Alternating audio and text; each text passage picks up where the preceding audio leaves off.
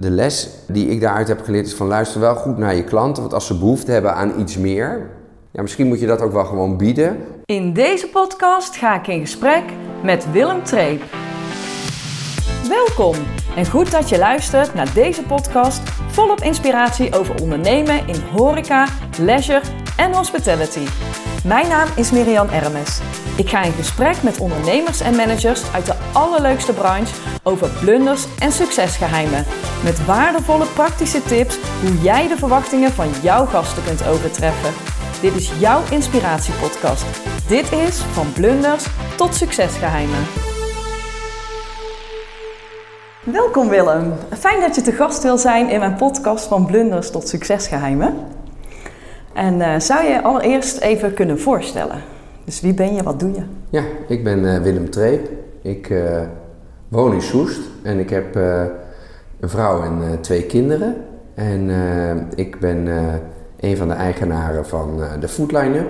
En de Food Line-up is een evenementencateringbureau, oftewel een party cateringbureau. En wat de Food Line-up onderscheidend maakt is dat wij in plaats van een eigen keuken werken met 100 chefs en cateraars die, uh, als wij een evenement uh, cateren, zeg maar zorgen voor het eten en drinken. Oh, dus je hebt geen eigen keukens? We hebben geen eigen keukens. Oké, dus jullie verkopen dan het evenement, een beleving of een, uh, een bepaalde plek? Of hoe gaat dat? Hoe werkt dat? Hoe werkt nee, er wordt een, e- iemand organiseert een evenement en die zegt, goh, mensen willen ook nog wat eten en drinken. En dan komen ze naar ons toe om te zeggen, joh, we hebben een evenement, kunnen jullie ervoor zorgen dat, dat er eten en drinken komt? En heb je dan ook nog uh, bepaalde uh, assortiment waar ze uit kunnen kiezen? Of is alles mogelijk? Nou, het is zo dat wij hebben... We zijn ontstaan vanuit de Youth Food Movement. Dat heet tegenwoordig de Slow Food Youth Movement. En dat is eigenlijk gebaseerd op de slow food principes. En dat betekent dat wij alleen maar eten serveren dat daaraan voldoet. Dus als mensen aan ons vragen van... Uh, kun je witte pistoletjes met uh, van, fabriekskaas serveren, dan uh, ben je bij ons op het verkeerde adres. Dus bij ons kies je er echt voor om gewoon uh, goed eten uh, te krijgen op je evenement. Daarom heet ons bedrijf ook Food Line-up. Wij willen eigenlijk het eten op de line-up krijgen. Ah. En dat is begonnen op festivals, waarbij we echt bezig waren om te kijken van oké, okay, hoe kunnen we zorgen dat naast de artiesten ook het eten op festivals beter wordt. En we zijn inmiddels helemaal getransformeerd naar een zakelijke event cateraar, zodat we dus het eten verzorgen op zakelijke evenementen zoals congressen, bedrijfsfeesten, jubilea, uh, walking dinners, maar ook sit-down diners. Ah, en dan kunnen we wel echt alle kanten op. Dus we kunnen van een hamburger en friet uh, tot een, uh, een futuristisch Michelin-star niveau diner serveren. En daar zoeken jullie dan passende chefs bij? Ja. Of heb je een aantal onder contract? Of hoe moet ik dat zien? Nou, we hebben een netwerk en dat netwerk, daar moet je toegelaten worden.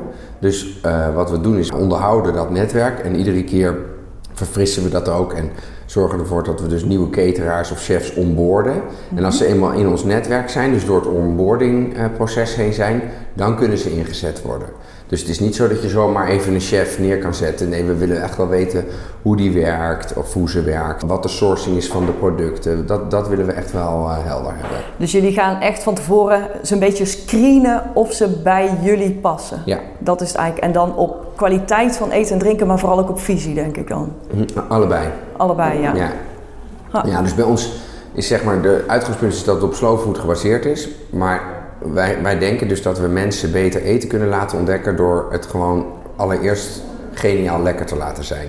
Dus, dus kijk, als het niet lekker is, dan, uh, ja, dan, dan vindt niemand het fijn, zeg maar. Dus daar begint en eindigt het natuurlijk altijd. Mm -hmm. uh, dus wat we bijvoorbeeld uh, doen, is dat we echt nadenken van... oké, okay, hoe kunnen we bijvoorbeeld mensen een hamburger laten eten... maar waar is het vlees dan van gemaakt? Waar is het brood dan van gemaakt? Wie maakt die hamburger dan? hoe zit dat in elkaar? Dat, dat, dat zoeken we dan helemaal uit.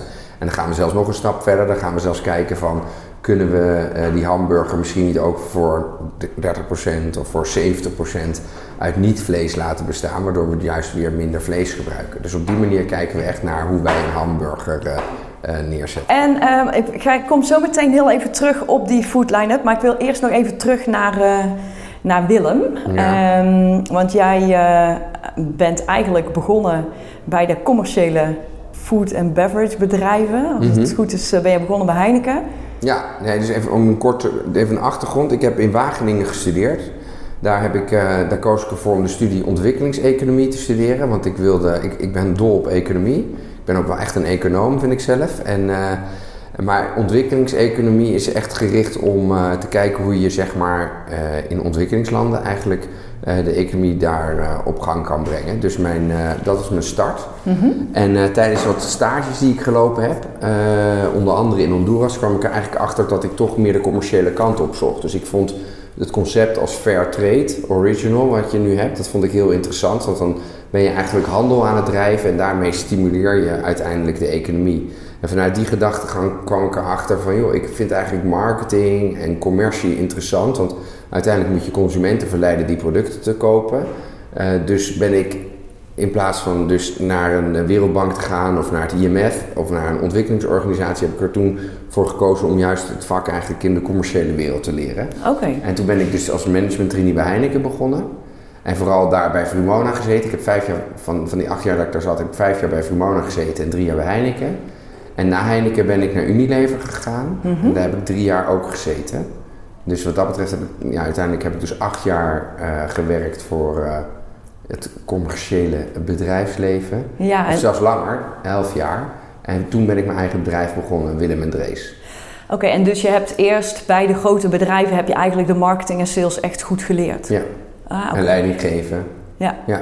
Dus dan ben je eigenlijk gewoon de basis gevormd van wie je Ja, ik, ik heb er heel veel profijt van gehad. Want je wordt natuurlijk, ik werd ondergedompeld. Ik bedoel, ik was net vers van de universiteit. En dan word je in zo'n management trainee, word je klasje, word je helemaal klaargestoomd. Ja. En je, leert, je, je werkt ook nog eens met hele slimme mensen. Dus het is ook heel inspirerend en ook heel stimulerend om de hele tijd omringd te zijn door mensen die gewoon ja, heel, heel slim zijn. Want dan trek je jezelf natuurlijk ook aan op. Ja. Dus uh, daar heb ik heel veel van kunnen leren, ja. En toen ben je Willem en Trace begonnen. Ja. Ben je, denk ik, Drees Peter heb je ergens ontmoet? Hoe heb je ja, dus bij Unilever uh, kwam ik op de out of home afdeling. Dus daar werd ik sales manager. en daar van, van leisure, zoals dat heette. Dus daar was ik echt gericht op alle pretparken, daar kennen wij elkaar natuurlijk ook van, want toen zat jij nog bij de Efteling. Ja. En, um, maar ik deed dus ik deed ook horeca, dus van Lipton Ice Tea en, en, Ola en Ben Jerry's. En een collega van mij daar was Drees Peter van der Bos. En die deed het At Work en At School kanaal, dus meer de instel instellingenkant. En hij deed op een gegeven moment ook het on-the-go kanaal, dus de, de, de NS en, en oh, Shell en dat soort, dat soort klanten. Dus we waren één op één collega's. En de grap is dat Drees ook in Wageningen heeft gestudeerd. Dus we kenden elkaar eigenlijk al uit het Wageningse. Eh, mhm. en toen hebben we drie jaar heel intensief samengewerkt bij Unilever. En dat beviel ook zo goed dat, dat we naar daaruit eigenlijk ook uh, verder een stap hebben genomen en Willem en Drees zijn begonnen. Maar Willem en Drees was natuurlijk wel een heel ander bedrijf dan een Heineken of een Unilever. Want Willem en Drees was meer duurzaam. En, uh, ja, dus even voor de, hè, de, Willem en Drees is, zijn we begonnen eigenlijk vanuit het idee dat ik dus, ik, had die, ik heb die ontwikkelingseconomie gestudeerd en ik had zoiets van ja, ik wil mijn talenten inzetten om de wereld beter te maken. Nou, tien jaar corporate uh, ervaring erop zitten. En toen dacht ik ja, wat zou het leuk zijn als ik nou eerlijke business kan bouwen. Dus business die de wereld beter maakt. Eigenlijk precies zoals ik tijdens mijn stage in, uh, tijdens mijn studie al ontdekte. En uh, dus ik, ik zat daar heel erg te zoeken naar een manier van hoe ik dat kon doen. Dus en business en de wereld verbeteren. En die behoefte kreeg ik en die werd steeds groter. En ik ging ook echt kijken of ik dat binnen Unilever kon doen.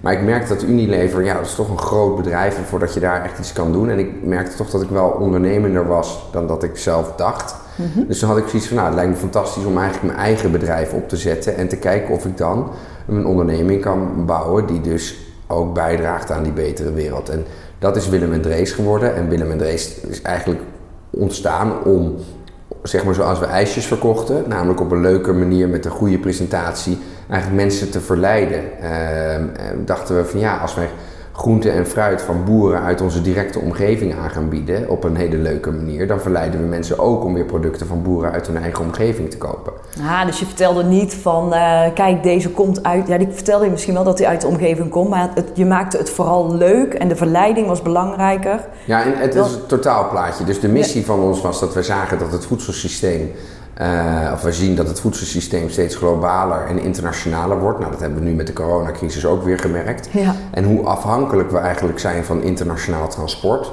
En de vraag is of de kwetsbaarheid van ons voedselsysteem niet te groot wordt. Kijk, wij zijn in Nederland natuurlijk per, meer een exportland. Uh, maar wij produceren zoveel vlees, dat exporteren we allemaal. We produceren zoveel melk, dat exporteren we allemaal. We produceren zoveel tomaten, die exporteren we allemaal. En de vraag is, is dat nou nodig? Of kun je niet lokaal dat vlees produceren? Kun je niet lokaal die tomaten produceren? En wat wij met Willem en Drees wilden doen, is gewoon mensen weer laten zien waar hun eten eigenlijk uit Nederland vandaan komt. Want het is toch van de gekke dat het makkelijker is om een kiwi uit Nieuw-Zeeland in de supermarkt te krijgen dan een appel van de boer uit de buurt. En die is nog goedkoper ook.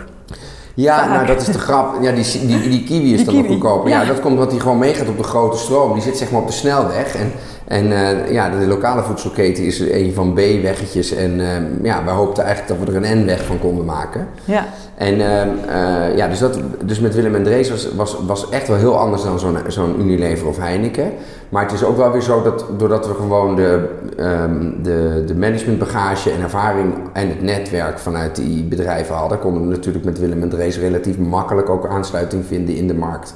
Dus we hadden ook vrij snel met Willem en Drees distributie bij uh, Jumbo, bij Spar, bij, ja. uh, bij Koop en dat soort uh, supermarktketens. En daar konden, kwamen we ook relatief snel binnen omdat we vanuit Unilever en Heineken kwamen. Ja, die kende je al of je wist de wegen te bewandelen. Ja, en mensen die wisten ook wel van ja, er komen jongens van Unilever, die ja. zijn niet achterlijk, ja. zeg maar. Dus, en, en, en ze zagen, en iedereen ziet natuurlijk de trend uh, van globaal naar meer lokaal. Ja. En wij praten nu over 2009, dus dat is 12 jaar geleden dat wij ermee aankwamen. En toen was het echt nog de fase dat mensen zich afvroegen van goh, gaat het wel komen? Gaat het echt veranderen? Ja, echt een pioniersfase. Ja, ja. ja, letterlijk toen wij startten, toen zei het, uh, het Centraal Bureau van de Levensmiddelen, die zei toen, hè, dus de koepel van supermarkten, die zei toen van ja, wij vinden dat dat herkomstbenaming op groente en fruit eigenlijk maar eens afgeschaft zou moeten worden. Oh? Ja, die wilde echt dat dat wegging. Dus dat je de boontjes, dat je niet kon zien of ze uit Kenia of uit Marokko of uit Senegal of uit Nederland kwamen of uit Spanje, maar dat er gewoon boontjes lagen. En uh, nou, dat, is, dat heeft het niet gehaald. Nee. Uiteindelijk is die herkomstbenaming is nog steeds verplicht. Maar zij waren echt van overtuigd dat die tijd voorbij was. Terwijl wij, wij lieten zien dat de boontjes uit uh, de Flevopolder kwamen. Of zelfs precies welke boer. Dus kon je precies zien waar die vandaan kwam. Ah, en, um, maar jullie zijn dus, dus gestart in 2009. Ja. En Willem en Drees heeft bestaan tot... Nou, we, ik ben zelf bij Willem en Drees gebleven tot 2017. Ja. Dus ik heb in totaal acht jaar lang uh, bij, uh, bij Willem en Drees gezeten. Maar we hebben, kijk, omdat we pioniers waren, moesten we echt de weg klaarmaken voor lokaal voedsel. Mm -hmm. En uh, wij hebben uiteindelijk hebben we op een gegeven moment zelfs bijna 2000 supermarkten beleverd. En dat is de helft ongeveer van Nederland. Dus dat is gigantisch. Albert Heijn is nooit klant geweest. Maar uh, maar wat we gewoon, we kwamen niet uit de logistiek. Dus de stroom was toch te dun. En daardoor waren de kosten van logistiek waren procentueel een te hoog deel van de kostprijs. En we maakten dus eigenlijk gewoon geen winst op het uh, model richting de supermarkten. Mm. En toen in 2012, 2013 hadden we al wel door dat dat moeilijk ging worden. En in 2014 zijn we toen geswitcht en hebben we eigenlijk ala wat nu Chris bijvoorbeeld doet. Dus hebben we willemendrees.nl opgericht en ook de categorie uitgebreid. En zijn we rechtstreeks aan consumenten gaan leveren. Ah, Maar we zaten ook met ons bedrijf helemaal in de supermarkten. Dus het was, het was al bijna te duur voor ons om te stoppen met de supermarkten omdat we dan alle mensen ook weer moesten kunnen ontslaan. Het was wat dat betreft echt wel een pittige tijd. Ja. En toen zijn we gefuseerd met een maaltijdenbox, een bierbox. Oh, ja? mm -hmm. En uh, toen die fusie plaatsvond, toen had je zeg maar de online shop van Willem en Drees... plus een maaltijdenbox uh, schema waar mensen uh, klant van waren. En dat samen zorgde ervoor dat we toen afscheid konden nemen van het supermarktkanaal. En ons echt primair konden gaan focussen op direct aan de consument leveringen. En is dat nu nog steeds? Dat is doorgegaan tot september 2019. Okay. Dus echt nog twee, uh, 2,5 jaar nadat ik weg uh, uh, was. En toen is Willem en Drees samengegaan met Eco-menu. Dat is ja? zeg maar de maaltijdbox van Eco Plaza. En, ehm, en een jaar later of zo is toen besloten om de naam Willem en Drees te stoppen. op te heffen. Ja. En persoonlijk ben ik daar ook wel blij mee. Want ja, ik bedoel, ik was al bijna drie jaar weg. Dus ja, ja het, was, het was al Willem en Drees zonder Willem. Ja. En uh, ja, Drees is uh, inmiddels uh, de CEO van Hutte Catering. Ja. En die is in september 2019 weggegaan bij Willem ah, en Drees. Okay. Dus ja, toen was het Willem en Drees, alle twee een kruisje erdoor. Er stond er wel en, maar dan bleven wij weg. Hè. Dus dat het nu eco-menu is, is wat mij betreft helemaal oké. Okay. Prima, ja.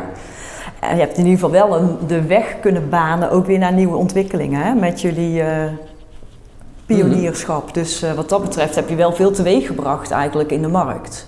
Ja, ik denk dat de impact uh, die we maakten. Kijk, we werden ook. Uh, je had dan de duurzame 100 die in trouw kwam. En daar kwamen wij ook in. We waren wel echt. We zijn ook echt op veel plekken. Zijn ja. wij uh, met Willem en Drees actief kunnen zijn. En hadden we ook echt wel. Of hebben we ook echt wel invloed gehad op het publieke debat. En nadat ik wegging bij Willem en Drees, dacht ik ook van ja, er moet iets komen om dit verder te stimuleren. Want wat, wat ik wel vaak voelde was dat het leek wel alsof Drees en ik met z'n tweeën zeg maar, de last van het kantelen van de keten van globaal naar lokaal op onze schouders hadden genomen. En ik, ik vind eigenlijk dat het meer een maatschappelijk probleem is. Dus eigenlijk is het ook vrij onterecht om vanuit een bedrijfsperspectief te kijken dat wij al die kosten, al die aanloopkosten zelf hebben moeten nemen.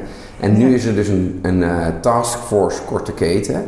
En dat, nu zet de overheid ook echt serieus geld achter uh, het zeg maar, veranderen van die voedselketen. Ah, oké. En je ziet dus nu dat, dat ook zeg maar, grote partijen, ook heel veel in Out of Home, echt nu bezig zijn met hoe kunnen we zorgen dat we ja, uh, een korte keten, zoals dat heet. En kort Mhm. staat dan eigenlijk voor dat je verbonden bent met je leverancier. Dus ja, dat, minder schakels ook. dat er minder schakels tussen zitten, dat je beter weet van wie je eet en van wie Ja. je koopt. Ja. En je ziet gewoon dat die trend zich aan, op alle fronten doorzet. Ja. Ja, dat is natuurlijk fantastisch. En eh, want daarmee hebben we onze missie eigenlijk wel gerealiseerd als je het vanuit een maatschappelijk perspectief bekijkt. Ja. Maar voor het bedrijf zelf hebben we flink wat iteraties moeten doen om uiteindelijk een succesvolle business case eh, te krijgen. Ja. En dat is gelukt, alleen is de naam dus wel weg. ja, precies. Ja. En na Willem en Drees, eh, wat kwam er toen? Toen kwam de Foodline Up. Dus ik, ik, ik besloot in 2016, eh, toen eh, halverwege dat jaar, is de fusie met Bbox rondgekomen. Toen zei ik, jongens, weet je, als de, als de fusie er is, dan is mijn tijd daar om aan een nieuw project te beginnen. En eh, toen werd ik benaderd door eh, Lotte, eh, de oprichter van de Foodline Up. En die zei van, ja, weet je, we zijn met de Foodline Up enorm aan het groeien, maar we hebben ook onze uitdagingen en... We zouden het heel fijn vinden als je komt en helpt om te kijken of eh, we vervolgstappen kunnen zetten. Dus ik ben in eh, december 2016 ben ik toen een beetje gaan helpen. Eerst een dag per week, op een gegeven moment twee dagen per week. En toen zei ze, joh Willem, wil je niet alsjeblieft gewoon eh, meedoen?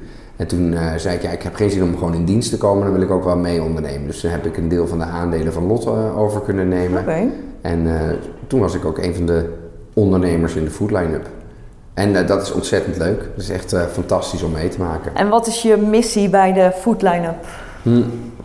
Ja, de grap is dat er best wel wat parallellen zijn tussen Willem en Drees en de Food Line-up. Eh, een van de grootste parallellen eh, is dat eh, waar we met Willem en Drees werken met allemaal verschillende telers die verschillende producten maakten. En daarmee eigenlijk het boerenvakmanschap stimuleerden. is de Food Line-up gericht op het vinden van chefs en cateraars die allemaal of een heel mooi gerecht of een hele mooie keuken kunnen maken. En die proberen we ook op de line-up te zetten. Dus nog steeds werken we met een netwerk van vakmannen en vakvrouwen. En geven we hen een podium waarop ze hun kunstje kunnen laten zien. En eigenlijk is het ook een soort ontwikkelingshulp, want daarmee kunnen zij weer inkomen genereren als kleine ondernemer. Dus Ja. wat dat betreft stimuleer je daarmee eh, ja, kleinschalig ondernemerschap in de voedselketen. En je maakt ze bereikbaar voor een grotere groep mensen Ja. eigenlijk. Inderdaad, want Ja. ja. ja, grote opdrachtgevers die gaan niet met eh, allemaal verschillende individuele chefs eh, schakelen. Die Nee. vinden het fijn als er dan een partij is die er zeg maar, de coördinatie en de complexiteit van zich opneemt. En, eh, en het is goed, want in plaats van dat het alleen maar bij grote jongens wordt gedaan. En dus als je in de catering kijkt, heb je partijen als Maison van de Boer, maar ook een hutte. Ja, die doen alles zelf. Ja, En wij zorgen ervoor dat juist heel veel kleine ondernemers de kans krijgen om een boterham te verdienen. Dus in die zin is Ja. dat heel, eh, heel mooi. Maar de missie van de Foodline Up ja. is primair om mensen weer beter eten te laten ontdekken. En beter staat dan inderdaad ook voor dat slow food. Dus het moet een eerlijk product zijn, mensen moeten er een eerlijke prijs voor krijgen. Het moet beter zijn voor het milieu, of in ieder geval minder schadelijk. En eh, ja, het moet gewoon lekker zijn. Hè? Dat, is, dat Mhm. geniaal lekker, dat blijft terugkomen. En hoe, eh, want eh, je hebt dan grote opdrachtgevers neem ik aan. Hoe zijn ze bekend met de Food Line-up? Hoe kom je in contact met die bedrijven? Nou, we zijn begonnen met festivals. Dus we kregen al vrij gauw de kans om op eh, Amsterdam eh, Open Air. En dat is echt een groot evenement waar meer dan 20.000 mensen komen. Om daar al het eten en drinken te regelen. En zo ging het steeds verder. Toen werden we Best Kept Secret. Dat was een, een festival wat Ja. opgezet werd. En die zochten iemand die dus ook het eten daar neerzette. Dus toen hebben wij twee jaar lang hebben we daar de line-up neergezet. Eigenlijk het begin. En toen kregen we ook echt in de pers kregen we echt complimenten voor het feit dat de line-up van eten niet onderdeden voor de line-up van muziek en, en acts. En in dezelfde periode ontstond ook de beweging van foodtruckjes. Dus had je allemaal van die foodtrucks die neergezet werden. En, en, mensen zagen dat en dachten, hé, hey, de food line-up Oh, en we hadden natuurlijk veel foodtrucks die we neerzetten op die festivals. En mhm. zodoende kregen we steeds meer vraag vanuit de zakelijke markt. Van, goh, we vinden het wel leuk als er wel eens een foodtruckje komt. Of een klein mini-festivalletje of een klein foodfestivalletje op, uh, op, op het parkeerterrein van het bedrijf. En zo transformeerden we zeg maar steeds meer richting de zakelijke markt. Dus dan vroeg bijvoorbeeld de Rotterdamse trammaatschappij, uh, die vroeg dan van, joh, kunnen jullie niet voor alle personeel iets neerzetten? Frietjes, een hamburger en wat limonade en wat biertjes. En dat gingen we dan neerzetten. En daar kwamen andere dingen bij kijken. En ja, die leerden ons kennen. En omdat wij dus ehm, zo goed waren in grootschalige evenementen, 20.000 man eten geven is niet, niet weinig, nee. Ehm, zag je ook dat grotere bedrijven dachten, ja oké, we hebben nu 2500 man, die moeten eten, hoe gaan we dat doen? Ja. En dat is voor één keuken weer heel moeilijk om te organiseren. Maar omdat wij het verdelen over heel veel keukens, is het heel makkelijk te organiseren. Ja, en wat ik me dan afvraag, hè, want je hebt heel veel chefs dan in je portfolio, of hoe ik dat dan uh, moet noemen. Um, als je dan een, als soort of een line-up opstelt, uh, hoe stel je dan vast voor deze opdrachtgever is die line-up goed? Voor die, want ik bedoel, een best kept secret is heel anders dan een zakelijk evenement van uh, een bankwezen ja. of zo. Hoe, hoe gaat dat dan? Hoe weet je dan? daarom noemen we onszelf ook een cateringbureau, want we zijn ook wel echt analytisch en strategisch en conceptueel. Dus wat we doen is we kijken echt naar, oké, wat is de uitdaging die iemand heeft voor zijn evenement en hoe kunnen we dat doorvertalen in het eten? Dus het eten wat we serveren is, sluit echt aan bij het thema van het evenement en bij de type opdrachtgever. Uh, en dat is het mooie van het netwerk, want je hebt dus chefs die dus heel uh, op een hoog niveau culinair kunnen koken en heel verfijnd kunnen koken. Maar je hebt er ook bij die heel snel op een heel hoog tempo uh, enorm veel hotdogs kunnen maken. Ja. En kijk, de kwaliteit van die hotdog die is onomstreden.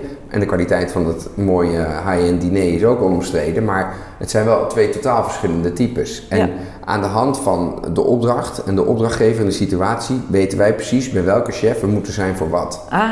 En we kijken dus ook in dat portfolio, kijken we ook van hé, hey, wat missen we nu, weet je wel? Dus nu bijvoorbeeld door corona zie je dus dat de vraag naar foodtruckjes opeens weer toeneemt. Terwijl mhm. dat in 2019 eigenlijk alweer een beetje aan het afnemen was. Maar nu denkt iedereen, ja, het is wel makkelijk, weet je, het is buiten, je kan makkelijk afstand houden. Dus nu zeggen mensen, goh, we gaan weer open met het bedrijf.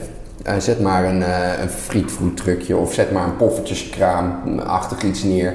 Waardoor uh, we gewoon iets leuks hebben voor het personeel. Hè? Fijn dat ze weer op kantoor zijn. Een koffiebarretje met een barista erbij. Gewoon net om het even feestelijk te maken. Dus jullie doen van één foodtruck tot onbeperkt aantal ja.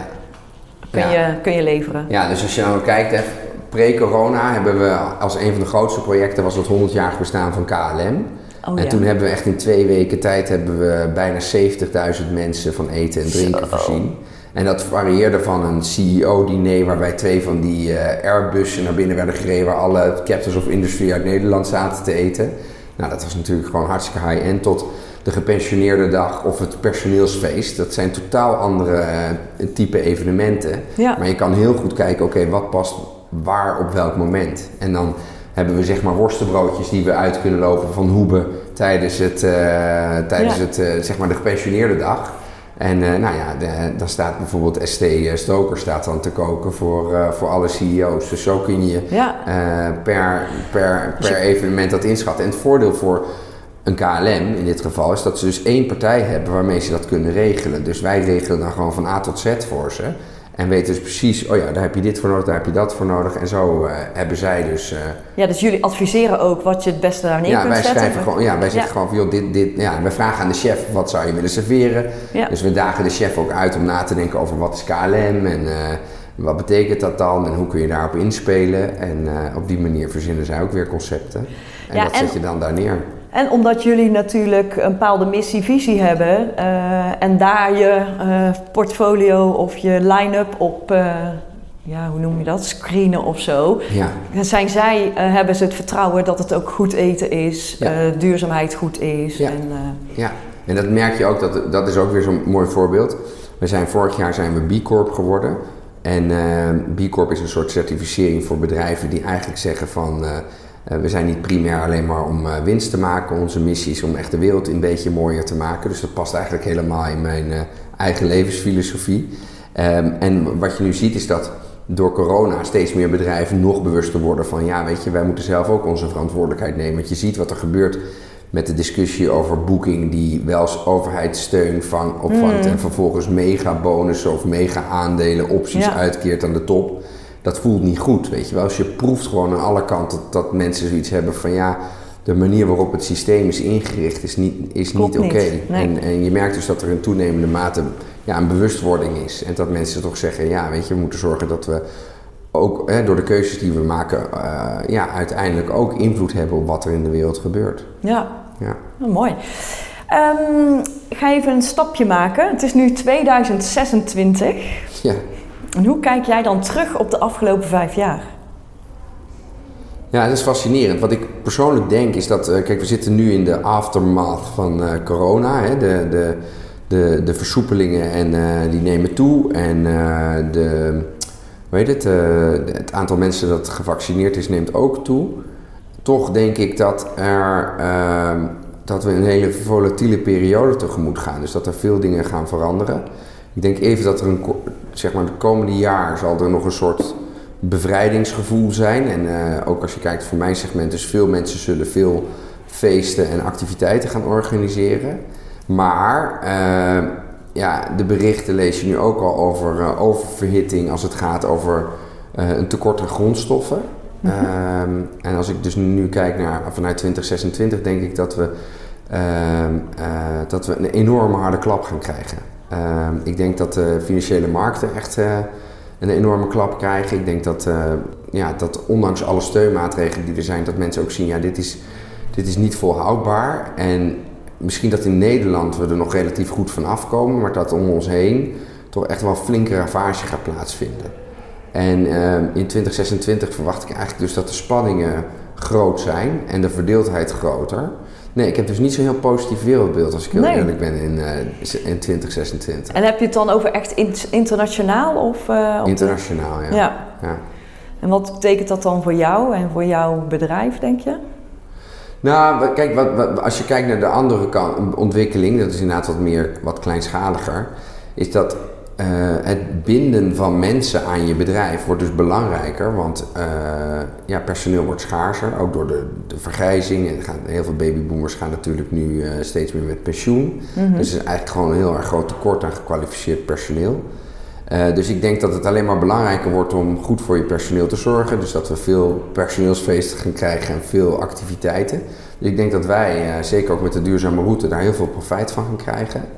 Ehm, het is wel zo dat als de crisis is dat, ja, wat ik zeg, hij valt gewoon heel ongelijk. Dus er zullen mensen zijn die echt verliezen.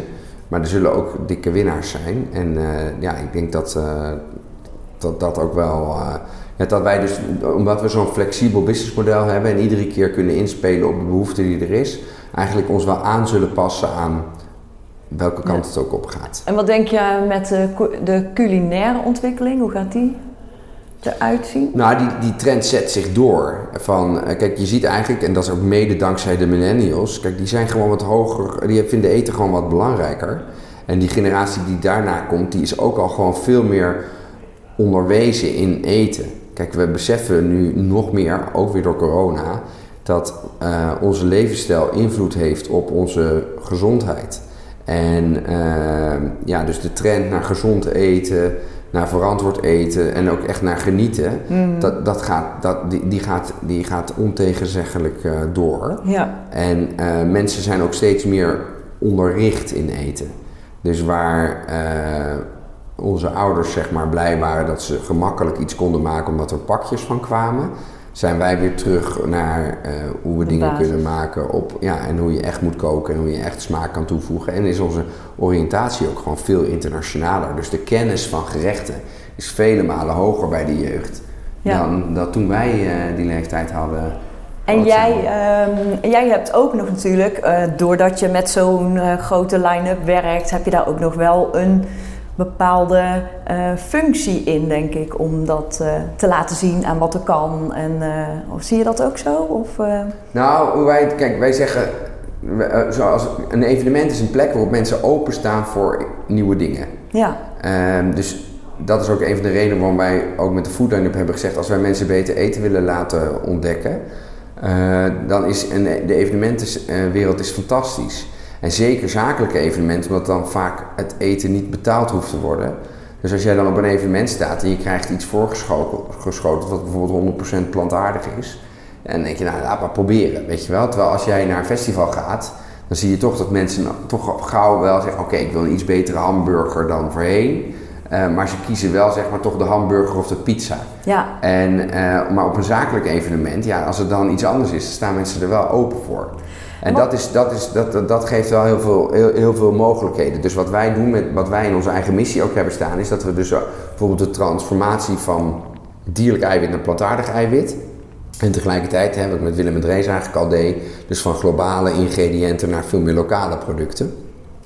Dat we dat in de menukeuze en het eten wat we aanbieden echt wel doorvertalen. Ja. ja dat, dat gaan we ook echt wel in, in voorop blijven lopen. En wat vind jij dan, hè, want eh, je hebt natuurlijk eh, heel veel verschillende soorten gasten. Je zegt natuurlijk al van de zakelijke gast die staan meer open voor nieuwe dingen. En de festivalgast die doet toch nog meer dat gewonere. Welke gasten vind jij het allerleukste? Goh. Dat maakt me eigenlijk helemaal niet zo uit. Wat ik aan opdrachtgevers dus de, de, de opdrachtgever bepaalt vaak voor zijn gasten. Ja. En wat ik aan opdrachtgevers wel fijn vind, is op het moment dat ze openstaan voor uh, onze expertise of ons de ruimte geven. Zelfs als ze eten niet zo belangrijk vinden, dan, uh, uh, dan als wij dan de ruimte krijgen om vervolgens toch invulling te geven aan het menu, dan kunnen we toch al best wel wat impact maken. En wat je heel erg merkt bijvoorbeeld met plantaardig is, bij ons begint het dus weer met dat geniaal lekker. Uh, is dat op het moment dat wij gewoon heel lekker eten serveren en mensen hebben gewoon lekker gegeten en ze gaan naar huis en zeggen nou wat super lekker. Uh, en je hebt vervolgens alles plantaardig gemaakt en mensen hebben dat amper doorgehad omdat je er helemaal niet per se de aandacht op hebt gevestigd. Dat vind ik wel het mooist. Ja, want je communiceert dat wel naar je opdrachtgever, maar niet zozeer naar de uiteindelijke gast die het opeet. Klopt. Oké, die ja. weten dat dan ook vaak niet? Of kunnen ze we het doen, wel vinden als. We doen er niet geheimzinnig over, maar als je mensen wil verleiden, dan, uh, dan is het in onze ogen handiger om gewoon ze te verleiden met lekker ja. dan met lessen. Ja. Dus als wij zeggen, gij, gij moet, twee, hè, dus gij, gij moet 300 groenten eten en dat is zeg maar die, die, die ontzettende belerende praktijk. Of je mag geen vlees meer eten of je mag geen... Hè, je mag niet vliegen, je mag geen eieren eten, je mag geen melk drinken. Ja, weet je, we kunt allemaal... En op een gegeven moment ga, durf je niks meer te eten. En op het moment dat je gewoon lekker eten voorzet, dan is het gewoon lekker. En als het dan ook nog eens heel verantwoord is, dan denk je ja, fijn. Dus het is voor ja. een, een, iemand die iets eet, is het heel fijn om erachter te komen dat je gewoon heel lekker hebt gegeten, wat ook nog geen impact heeft gehad. Maar het is niet. Uh, het begint gewoon met lekker en het eindigt eigenlijk ook met lekker. Ja, dus echt door die verleiding zorg jij ervoor ja. dat gewoon steeds meer mensen in contact komen met goed met goed eten. eten. En eigenlijk is het zeg maar zoals biertjes verkocht worden of frisdranken of ijsjes. Ja. De marketinglessen die ik geleerd heb bij die grote bedrijven, die, die, die kopiëren we eigenlijk nu nog steeds door. Maar uh, dan op het thema uh, verantwoord uh, eten. Ja. En, ja, en, en, en ik geloof dat dat uiteindelijk toch wel een belangrijke sleutel is. En tuurlijk, de kennis van mensen wordt steeds groter. En mensen gaan ook steeds meer vragen. En met de technologie die er nu is, is er ook veel makkelijker, is het ook op, op, opzoekbaar. Dus ja, weet je, dat geeft ook de mogelijkheid om het, als mensen echt geïnteresseerd zijn, ook te vertellen. Ja. Hey, en als je dan terugkijkt hè, naar je eigenlijk best wel mooie loopbaan, um, vanuit corporate uh, bedrijven naar uh, je eigen bedrijven, waar ben je dan het meest trots op? Het meest trots ben ik op dat ik uh, in mijn leven vaker gewoon rigoureuze keuzes heb durven maken. Daar ben ik eigenlijk het meest trots op. En een voorbeeld van zo'n rigoureuze nou, keuze? Dus een, mijn eerste grote rigoureuze keuze was denk ik dat ik besloot om bij een, commercieel bedrijf te gaan werken in plaats van bij een ontwikkelingsorganisatie, terwijl je toch ontwikkelingseconomie hebt gestudeerd, dat is één. Maar daarna heb ik, ben ik op een gegeven moment op wereldreis gegaan, heb ik mijn baan opgezegd bij Heineken. Daarna was ik weer bij Heineken terug, maar ik heb wel gewoon gezegd, joh, ik ga en ik zie wel of ik terugkom. En vervolgens de overstap naar Unilever was ook zo van de een op de andere dag dat ik, ja, hier bij Heineken, ik moet gewoon, er, ik moet gewoon eens even bij een ander bedrijf kijken. En toen ik bij Unilever mijn baan opzij en Willem en Drees begon, was ook zo'n Ja. rigoureuze keuze. Maar zelfs de keuze om weg te gaan bij Willem en Drees en eh, bij de Food Line-up te starten, ook weer een belangrijk breekpunt. Want dat, ik, ik had nog, toen ik wegging bij Willem en Drees, wist ik niet dat ik bij de Food Line-up terecht zou komen. Dus dat was ook gewoon eh, eh, onduidelijk. Ja, dat, dat, dat, dat, daar ben ik eigenlijk wel het meest trots op. Want dat geeft namelijk mij ook het gevoel dat ik ook nu eh, ook weer in staat ben om, om op een gegeven moment te zeggen, joh, ik ga nu dit doen of ik ga nu dat doen. Ja, want wat is dan jouw grote succesgeheim? Eh, nou, daar, daar zei ik net eigenlijk al iets over. Kijk, dus echt, ik, eh, als, dan dan kom je eigenlijk ook wel op een tweede ding waar ik trots op ben. Kijk, ik wilde natuurlijk laten zien dat het mogelijk is om business te bouwen die de wereld verbetert. En met Willem en Drees heb ik heel erg laten zien dat ik impact kon maken, een merk neer kon zetten en een boodschap eh, kon vertellen en echt iets in gang kon zetten. Alleen de duurzame, eh, financieel duurzaamheid van het model was pittig, omdat die supermarkt ons eigenlijk gewoon geen geld liet te verdienen. Ehm, als ik nu kijk naar, ehm, ehm, naar het recept, zeg maar, dan geloof ik echt dat je dus mensen echt tot beter gedrag kan leiden eh, door ze te verleiden. En dat dat toch wel eigenlijk de sleutel van het succes is. Ja, dus niet op het belerende, maar echt op het verleiden. Ja, Dat eigenlijk. ja, ja. Ja. En waarbij je in een business-to-business omgeving echt nog wel kan uitleggen dat dat, dat je doel is. Mhm. Dus een, eh, een supermarktketen die begrijpt dat als je met Willem en Drees begint, dat het ook bedoeld is om de voedselketen enigszins te veranderen. En de consumenten die het kopen, die vinden het gewoon leuk om te ontdekken, hé, hey, pastinaak is in het seizoen, hé, hey, er zijn meer soorten aardbeien dan één aardbei. Hè, dus daar zit het verwonderen en het verleiden in. En als mensen dat dan, maar mensen weten ook heel goed dan van, hé, hey, ja, het- en het is ook nog beter. Ja. Weet je wel? Dus dat is, dat is gewoon fantastisch. Ja. En dat is, dat, dat is met zo'n, eh, eh, als ik nu op een evenement eh, het menu van de toekomst zeg maar neerzet, met allemaal super lekkere gerechten. En je zit dat te eten en je denkt, oh wat is het lekker. En dan zeg je ook nog eens, ja joh, en er zit gewoon amper vlees in of helemaal geen vlees in. Ja, dan, en het is allemaal met lokale producten gemaakt, ja, daar word je echt heel gelukkig van. Ja, en ik denk dat je daardoor mensen ook weer inspireert om zelf eh, meer veelzijdiger te koken in je eigen keuken. Ja, Hè, want je ziet een pastinaak liggen en denk je, ja, wat moet ik ermee, bij wijze Ja. van spreken. Terwijl als jij al een heel mooi gerechtje daarvoor hebt gemaakt, dan denk je, oh, dat, dat kan ik ermee doen. Ja, en dat is wel, was wel een van de grootste, dat vind ik echt heel bijzonder, dat het met die maaltijdboxen natuurlijk heel erg goed gelukt. Want Ja. eh, kijk, wij deden dus met Willem en Drees, eh, hadden wij dan de pastinaken en de schorseneren liggen. En wij verkochten echt veel beter pastinaken dan een supermarkt. Dus als de supermarkt, eh, dus zeg, maar lagen Jumbo pastinaken of Willem en Drees pastinaken, dan verkochten wij wel vijf tot tien keer zoveel Willem en Drees pastinaken als Jumbo pastinaken. Oh? En dat komt omdat namelijk Willem en Drees stond voor het seizoen. En bij Jumbo is ja, alles is in huismerk. Dus er zit helemaal geen onderscheidend vermogen meer op, op wat is nou van het seizoen Ah. erin. Dus daarom geloof ik nog steeds dat dat ook heel goed zou kunnen werken. Maar ehm, ehm, ja, ik denk toch dat... eh, Ja, die maaltijdboxen, ja, die, die maaltijdboxen, die, die, die, die, die, mensen moeten wel weten wat je met een pastinaak doet. Die maaltijdboxen, die stoppen het er gewoon in. Ja, En ik denk dus dat... dat en een recept erbij. ja, en een recept erbij. En nu heb je in de supermarkten tegenwoordig ook die pakketten die je gewoon mee kan nemen. En dat vind ik ook hele goede manieren om mensen toch Ja. meer groente te laten eten. Dus je ziet dat je toch mensen aan de hand moet nemen en dat ze dus eigenlijk moeten leren vers te koken. Ja. En eh, door dus gerechten te eten op evenementen ko- kom je achter smaken en dingen waarvan je denkt, is het mogelijk? Hè? Bestaat dit?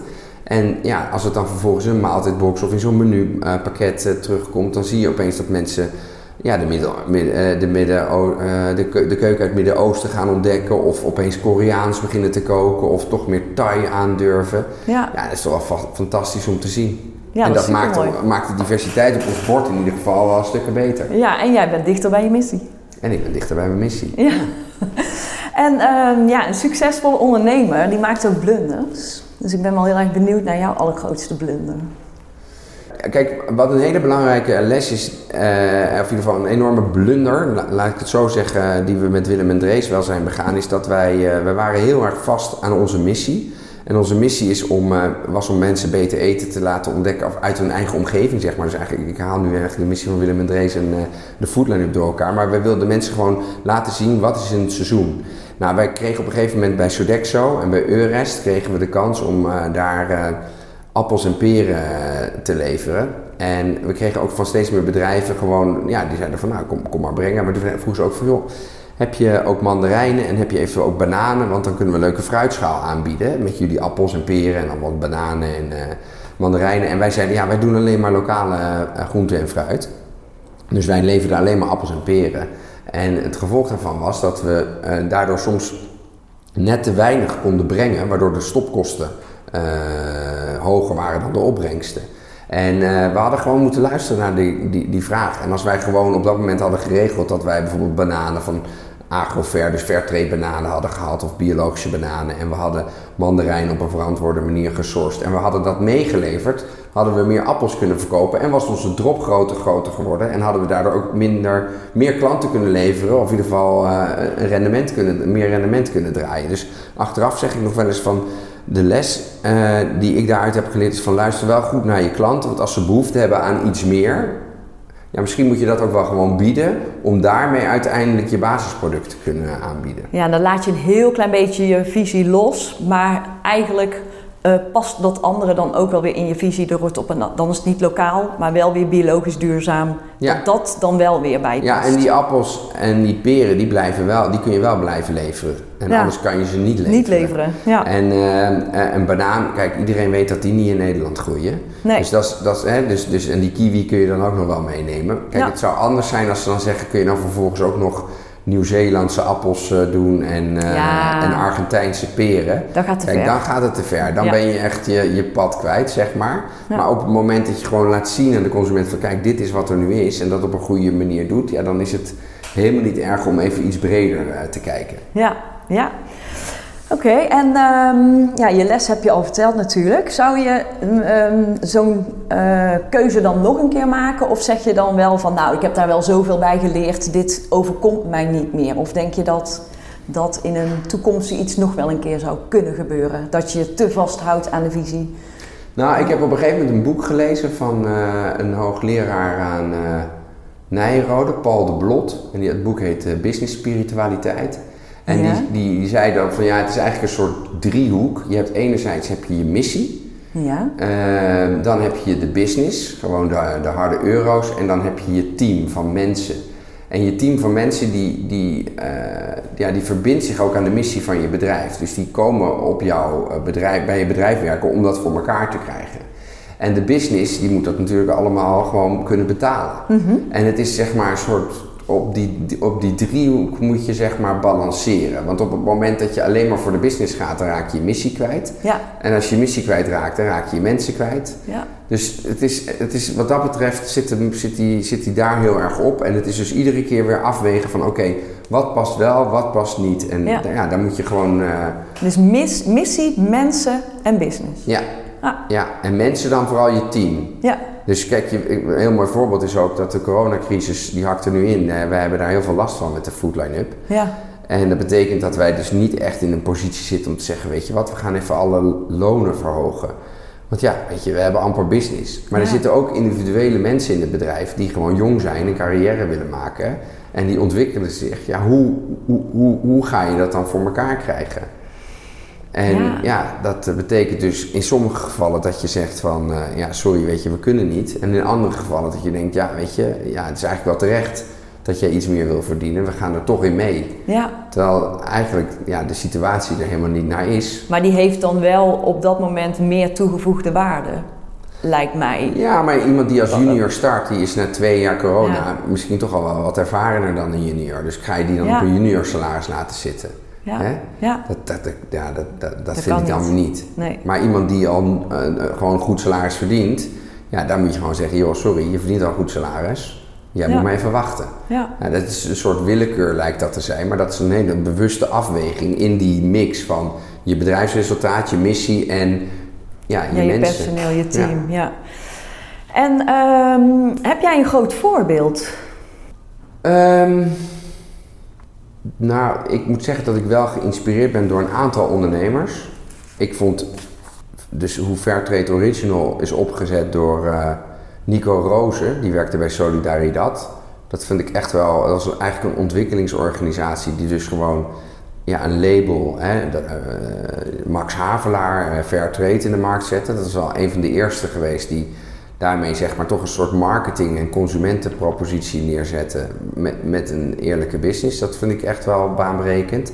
En tegelijkertijd vind ik dus ook uh, Ben Jerry's uh, die dat gedaan hebben, maar ook hoe uh, Teun van de Keuken en Maurice Dekkers Tony Chocoloni in de markt hebben gezet in eerste instantie. Dus dat zijn voor mij wel voorbeelden. Maar ik vind bijvoorbeeld Jaap Korteweg van de Vegetarische Slager ook een heel mooi voorbeeld. Dus het zijn toch wel bevlogen ondernemers die een, zeg maar een misstand in de maatschappij constateren en daar een creatieve constructieve oplossing voor vinden. Dat vind ik toch wel mooi. Zeker die laatste twee, de andere weet ik niet, want die ken ik niet zo goed. Maar ook echt met verleiden. En niet met het vingertje wijzen, ja. maar op manier van verleiden. Ja. Ja. Ja, Ben Jerry's natuurlijk ben ook. Ja, sorry, die Tony's ja. ook. En, en, en vegetarische slager, ja, ook. Weet je, ze gewoon, ik bedoel, ja, ja zeker. Om het gewoon lekker te maken en toegankelijk en laagdrempelig. Dus wat dat betreft, ik denk dat vegetarische slager nog wat activistischer is. Hè? Ja. Die zijn echt, uh, uh, en, en, en, en Ben Jerry's en Tony's toch wat meer op het verleiden. Uh, ik denk ook overigens dat, ja, nou, goed, weet je, je kunt allemaal... En fair trade was natuurlijk in zijn tijd, hè. Dan praat je echt over eind jaren 70, begin jaren 80. Ja, dat je dan die stap durft te zetten, dat vind ik ook toch echt wel van visie getuigen. Ja, ja, ja. Leuk, mooi. En de laatste vraag. Met wat je nu weet, wat zou je dan vijf jaar geleden als advies aan jezelf hebben gegeven? Vijf jaar geleden, dan praten we over 2016. Nou, dat advies was toen dat ik zeg maar een vervolgstap moest maken. Uh, en uh, Willem en Drees zeg maar hè, achter moest laten en een nieuw hoofdstuk moest beginnen. Ja, dat advies zou ik mezelf nu gewoon weergeven. Dus daar heb ik eigenlijk helemaal geen spijt van. Wat zou ik dan nog meer als advies geven aan mezelf? Nou, bitcoins. Hè. Ik had natuurlijk bitcoins moeten kopen. Dat is de tweede die dit nee, zegt. Maar dat is grappig. Maar, nee, maar dat is meer, dat is meer gokken.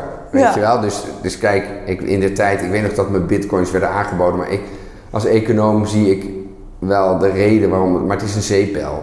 En de bitcoin laat eigenlijk vooral zien uh, hoe op dit moment er een soort hele grote bankroof gepleegd wordt door de centrale bankiers van Europa, van Amerika, van Japan, van China op de bevolking en daardoor groeit Bitcoin. Uh, maar eigenlijk is het gewoon een. Ja, dus ja, dan doe je eigenlijk mee aan het meeroven. Mm -hmm. Nee, dus zakelijk gezien denk ik van. Uh, van ik, ik heb denk ik een hele goede beslissing genomen door. Uh, na acht jaar Willem en Drees te beginnen bij de Food Line-up. En ik merk gewoon echt dat ik. Ik zit er dus nu al bijna ja, vier, dik vier jaar. En ik, ik ga echt met, iedere dag met plezier naar mijn werk. En ik, ja, ik ben echt nog voorlopig niet klaar. Dus ik, ja, ik denk dat dat een hele goede beslissing geweest is. Mooi. Ja. Dan heb ik nog een paar stellingen om ja. af te sluiten. Nooit meer koken of nooit meer uit eten? Zo zeg. um, nooit meer uit eten. Voor of na corona? Oh, na corona. On- of offline ontmoetingen? Oh, offline. Instagram of Clubhouse? Ja, gewoon uh, in het echt. In het echt? maar uh, als ik dan moet kiezen... Ja, het zijn... Clubhouse, ja, nee, nee, nee, nee, ik kan niet kiezen. Kan ik niet denk dat, nee, nee, nee. Ik denk dat per saldo, zowel van Clubhouse als Instagram, mensen ongelukkiger worden dan gelukkiger. Oké. Okay. Ja. Vlees of vega? Vega. Starbucks of Douwe Egberts? Douwe Egberts. iPad of menukaart? iPad. En Netflix of Chefflix? Netflix. En ochtendmens of avondmens? Ochtend. Dankjewel Willem. Ja, graag gedaan. Bedankt voor het luisteren naar deze podcast. Ben je geïnspireerd en vind je het een waardevolle podcast? Deel deze dan op je social media kanalen en vergeet mij niet te taggen. Ben je ook zo nieuwsgierig naar de volgende aflevering en wil je niets missen? Abonneer je dan op deze podcast. Wil je meer informatie over horeca, leisure en hospitality? Ga naar mirianermes.nl en volg me op LinkedIn, Instagram en Clubhouse.